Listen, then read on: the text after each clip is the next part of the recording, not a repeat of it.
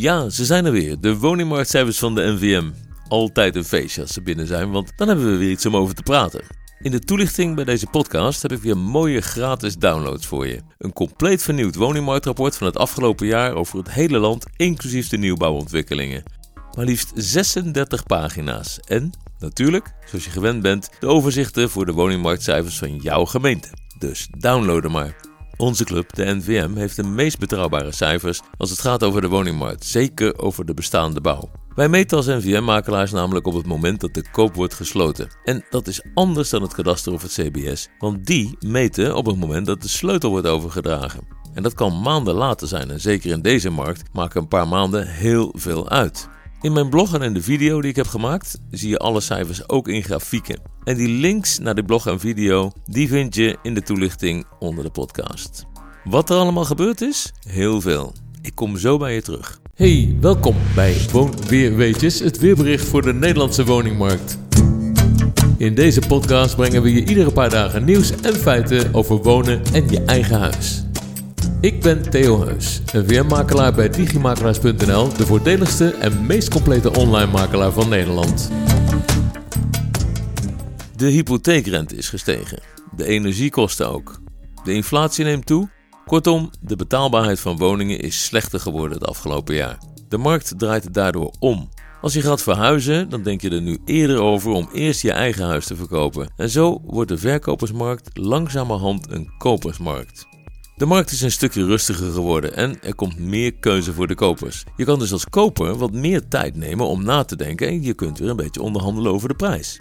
Van de nieuwbouw hoeven we het nog steeds niet te hebben. Nieuwbouw is duur en de prijsafstand op bestaande bouw wordt alleen maar groter door de duurder wordende grondstoffen en de hoge kwaliteitseisen.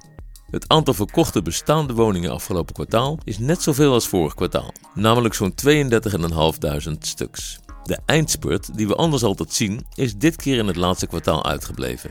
Er staan ongeveer 35.000 woningen te koop en dat is twee keer zoveel als eind vorig jaar. We zien de verkoopprijzen een beetje dalen, maar dat vinden we niet zo'n verontrustende percentages. Ik gaf het al eens eerder aan, de markt is zich aan het resetten. En het lijkt nu eventjes een harde reset, maar als straks iedereen weer duidelijk heeft hoe zijn of haar maandlasten eruit gaan zien, dan komt die markt best wel weer op gang. We zien nu wel wat gebeuren door deze dynamiek.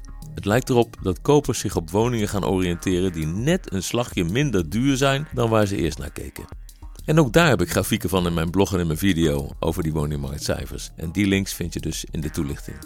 Vergeleken met afgelopen kwartaal zijn de verkoopprijzen met 3,7% gedaald. Naar gemiddeld 407.000 euro. Dat is het tweede kwartaal op rij met dalende prijzen en op een heel jaar is dat 6,4%. Maar als je dan in ogenschouw neemt dat we ruim 5 jaar van rond de 10% stijging hebben gehad, vorig jaar zelfs 21%, dan konden we erop wachten en gaat de markt zich nu echt normaliseren.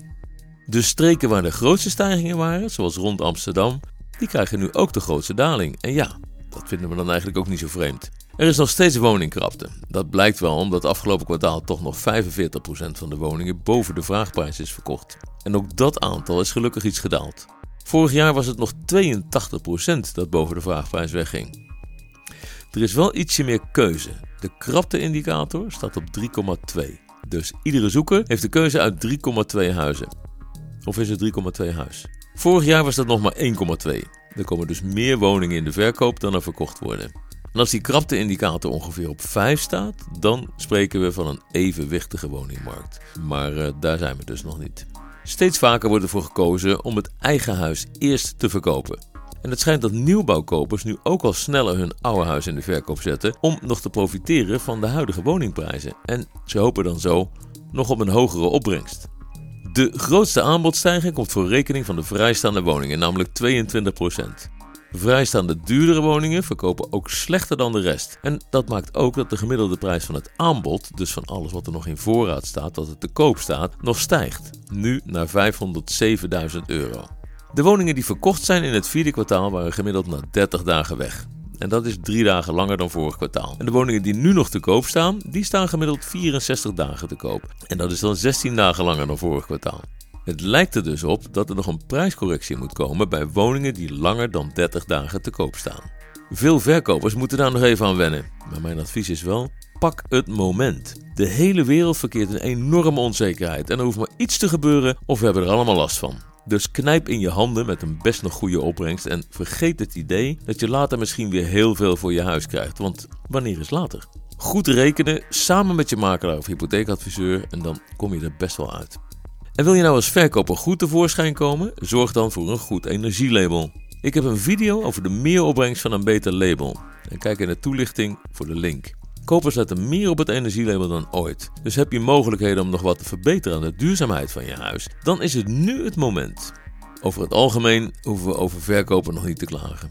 Tweederde van alles wat te koop staat, wordt binnen een kwartaal verkocht. En dat is nog niet lang. Want als je kijkt naar 2017 tot en met 2020, dan was de looptijd van het aanbod altijd langer. En toen hadden we het ook niet over een crisis volgens mij. Maar ook 20% van wat er nu te koop staat, wacht alweer een half jaar op een koper. We zien dat op dit moment nieuwe verkopers nog niet helemaal in de pas lopen met de veranderde omstandigheden. De verkoopprijzen dalen en de prijs van het nieuwe aanbod stijgt. Dat is best raar, toch? Luister dus als verkoper eens naar je makelaar en sluit je vraagprijs aan bij de markt. Doe je dat en heb je een beetje courant huis? Nou, dan beloof ik je, dan verkoop je nog steeds snel. De vraagprijzen gemiddeld vorig kwartaal lagen toch nog 8,2% hoger dan het jaar daarvoor. Bizar. De nieuwbouw dan. We blijven het herhalen. Met die nieuwbouw gaat het niet goed. Mensen die een nieuwbouwhuis zouden willen, zakt de moed in de schoenen. Nieuwbouw is duur, gemiddeld 498.000 euro, terwijl een bestaand huis gemiddeld 407.000 euro kost. Het duurt allemaal lang tot de oplevering, soms wel 2 tot 3 jaar. En de overbruggingsrente is hoger. Kortom, mensen denken wel drie keer na voordat ze besluiten om nieuwbouw te kopen. En die onzekerheid en het feit dat nieuwbouwprijzen uit de pas gaan lopen met bestaande bouw zijn de grootste factoren voor dalende nieuwbouwverkopen. Het aantal te koop gezette nieuwbouwwoningen bij NVM-makelaars was ook maar 32.000. Sinds 2013 niet meer zo weinig. Het aantal bouwvergunningen is ook schrikbarend laag. Het totaal aanbod aan nieuwbouw neemt wel toe omdat er geen kopers of minder kopers zijn dan verwacht en dus de verkooptijden oplopen. In 2021 werd 50% van het aanbod binnen drie maanden verkocht en nu nog geen 35%.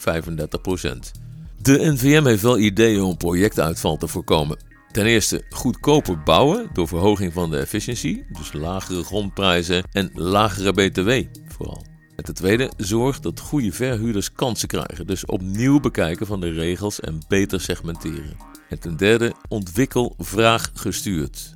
Hoe moeilijk kan dat nou zijn? En zorg dat die doorlooptijd maximaal één jaar is. Al met al, lieve luisteraars, zijn het spannende tijden voor de woningsector. Wil je meer weten of informatie? Je mag altijd even bellen of mailen. En kijk vooral even in de toelichting bij de podcast naar al die gratis informatie die je bij Digimakelaars kunt downloaden. Of misschien ook een aanvraag voor een gratis waardeindicatie van je huis. Het kan allemaal. Bij Digimakelaars zit je goed hoor. De podcast Woon Weer Weetjes wordt bijgebracht door digimakelaars.nl, de voordeligste en meest complete NVM online makelaar van Nederland. Wil je dat meer mensen op de hoogte blijven van de actualiteiten op woningmarktgebied en wil je ons helpen de podcast nog bekender te maken? Doe dat dan door je op de podcast Woon Weer Weetjes van Digimakelaars te abonneren op iTunes, Stitcher, TuneIn of Spotify. De podcast is er ook als Alexa Flash Briefing. Je kunt de skill toevoegen aan What's the News of What's My Flash Briefing. Dan hoor je iedere dag de laatste nieuwe. Wat ook helpt, geef onze podcast een beoordeling op iTunes. Of deel onze podcast op Facebook of Instagram. Super bedankt dat je luisterde en tot over een paar dagen.